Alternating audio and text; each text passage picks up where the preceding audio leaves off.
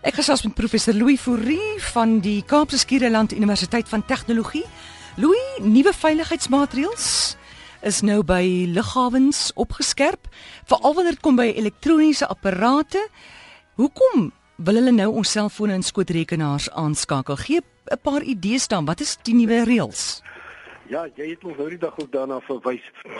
En dit is baie interessant hier op die uh, 2de Junie het dit skielik dramaties verander toe hierdie uh mense van Amerika, die vervoer sekuriteit administrasie, het hulle skielik gesê maar nou uh, gaan die maatreëls oral verskep verskerp word veral as jy op 'n direkte oorsese vlug is na die FSA en hulle sluit alle elektroniese apparate daarbey in. Dis is nou jou tablet en jou jou selfoon of jou slimfoon en jou uh, skootrekenaar uh alles van dit. En as as dit nie kan aanskakel nie, as die battery byvoorbeeld pap is, uh, dan sal jy nie op die vlug toegelaat word. Die snaaks, jy kan nie maar net jou selfoon agterlaat nie of dit uh, so sekere van die lugdienste bereid is om jou terug te stuur nie, jy sal moet wag tot 'n volgende vlug.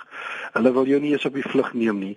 En hulle sê ook dat hulle jou aan verdere ondersoeke kan onderwerp. Maar nou jou vraag, wat het dan nou gebeur? Nou moet ek sê hierdie vervoer uh, sekuriteit administrasie, die ouens wat nou met die veiligheid van vervoer werk en dan ook die FSA se se binnelandse veiligheid, hulle departement daarvoor. Hulle was baie vaag. Daar was geen redes wat hulle gegee het oor die verskerping in in hierdie veiligheidsmaatreëls nie. Maar later het dit dan so bietjie begine deurskemer en het die inligting begine deurkom dat skynbaar het dit te doen met intelligensie dat militante persone wat van Irak en van Sirië spesifiek uh, terugkom en wat Amerikaanse paspoorte het en wat na die VSA terugkeer dat hulle beplan om vliegtye te teiken met 'n nuwe plofstof soos hulle dit sê uh of nuwe apparate. Hmm. hulle, hulle maak nie vir ons duidelik wat dit is nie. En uh dit kan nie met die huidige metodes opgespoor word nie. En daarom moet hulle nuwe maatreëls instel om seker te maak dat die mense wat vlieg veilig is. Hoekom word spesifiek elektroniese apparaat deur die veiligheid mense geteken? Jy weet die die primêre bekommernis is dat uh, natuurlik dat bomme uh van watter is aard dan ook nou al in selfone of rekenaars en in ander elektroniese apparate uh, versteek kan word of dit nou speelgoed is of wat dit ook al is.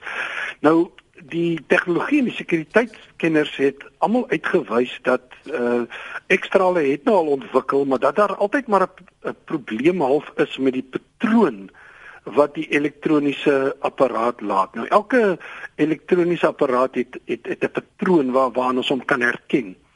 Nou die ekstraal van 'n selfoon, as jy nou by die sekuriteitspunt daarna kyk, toon een digte blok want dit is nou die battery en dan natuurlik elektroniese borde en drade. Ek weet nie of of uh, jy al geloer het so om die draai en kyk hoe lyk jou goed as hy deur uh, die ekstrale gaan nie.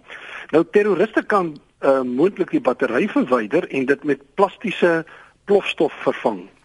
Dis nou die ou bekende plastiese plofstof, maar soos die ekstrale apparaat natuurlik nou verbeter het, uh, kan dit nie meer gedoen word nie want dis uh, baie duideliker uh, die uh, of laat ek so sê die patroon is soveel anders die patroon uh, van plofstof van 'n battery.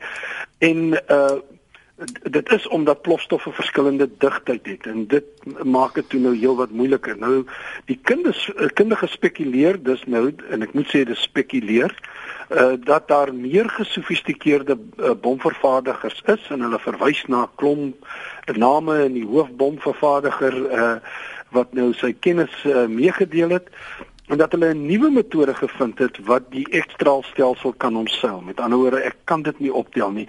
En uh, dit kan byvoorbeeld wees deur die ontwikkeling van 'n plofstof waarvan die ekstraalpatroon dieselfde as die is of baie naby as die van batterye is. Met ander woorde, ek kan nie daardie onderskeid maak as ek 'n veiligheidspersoon uh, is by die lughawe nie.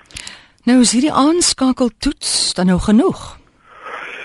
Weet jy, dis 'n baie eenvoudige manier om seker te maak dat dan nou nie juis met die battery gepeter is nie, uh, maar dis 'n goeie vraag of dit genoeg is want sommige kenners het dan ook nou uitgewys het gesê maar die toets is nie onfeilbaar nie want ek kan baie maklik net die helfte van 'n 'n groterige selfoon, slimfoon, kan ek net die helfte van die battery gebruik en ek kan seker maak dat dit nog gekoppel is uh en dat hy nog kan aanskakel. So dit is nie totaal onfeilbaar nie. Ek weet byvoorbeeld as jy op Heathrow vertrek, ehm um, uit ondervinding dan vra hulle jou nou om die battery uit te haal. Mm. En dan weer terug te sit en dan die selfoon aan te skakel. Hulle wil net kyk hoe dit gekoppel word en wat daar gebeur. Maar nou moet ons ook onthou, dis nie met alle fone moontlik nie. Die iPhone is natuurlik geslote, so jy kan hom nie uithaal nie en dit bly uh as iemand dit tog wel oopgemaak het met die spesiale gereedskap uh kan daar onveiligheid. Jy kan nie die battery sommer net uithaal nie. Jy moet hom na 'n handelaar neem. Nou, so dit bly maar 'n risiko dan.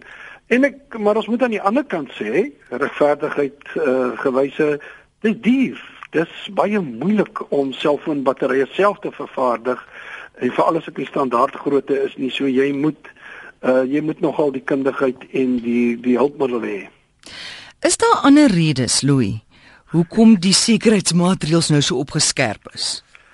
Ja, ek weet nie of daar uh, ander redes is nie. Dis nie vir ons bekend gemaak nie, maar ek kan wel sê daar's teorieë. Daar's nogal interessante teorieë. En ek moet vir jou sê party van hulle het my bekommerd gelaat. Hmm? So kom ons sê maar net vooraf, dit is 'n teorie.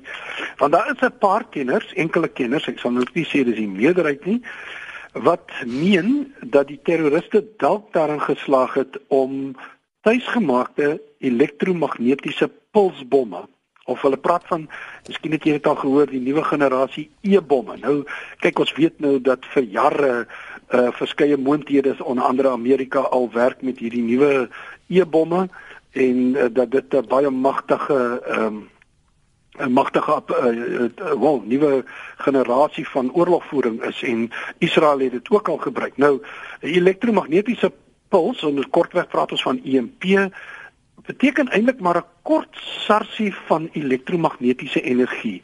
En dit is in die vorm van 'n elektriese of 'n magnetiese veld en dit word gewoonlik oor verskeie frekwensies uh, versprei. Nou die frekwensies is belangrik om te onthou want uh, as jy nou hierdie magnetiese puls opwek en jy kan natuurlik kernkrag daarvoor gebruik of jy kan dit ook sonder kernkrag doen dan skakel hy al wat die elektroniese apparate uit. Maak dit nutteloos vir die, vir ten minste vir 'n oomblik of selfs permanent.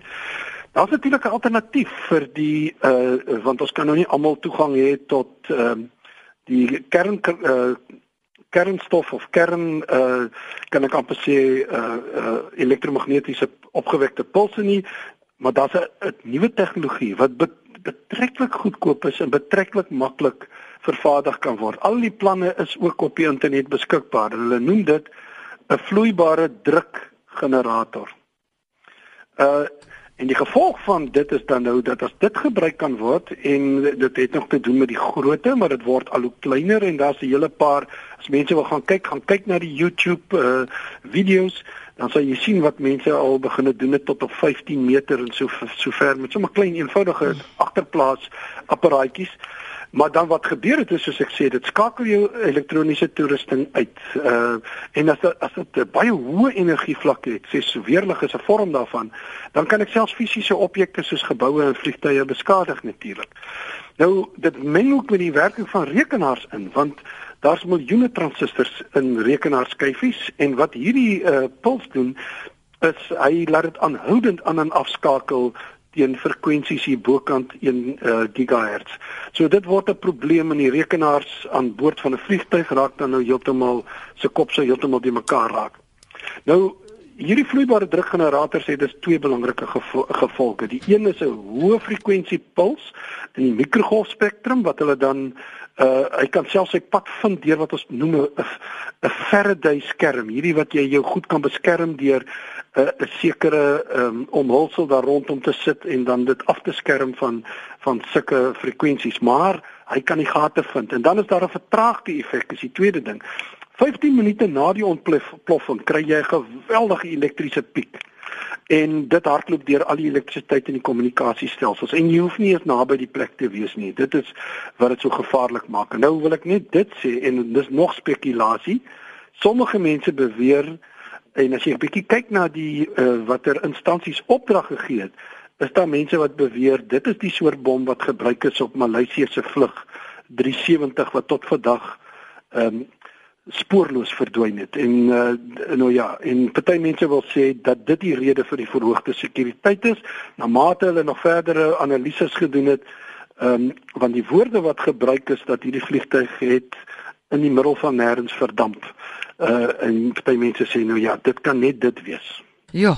Louis, dis interessant. Ek moet jou nou hier groet man. Dis reg.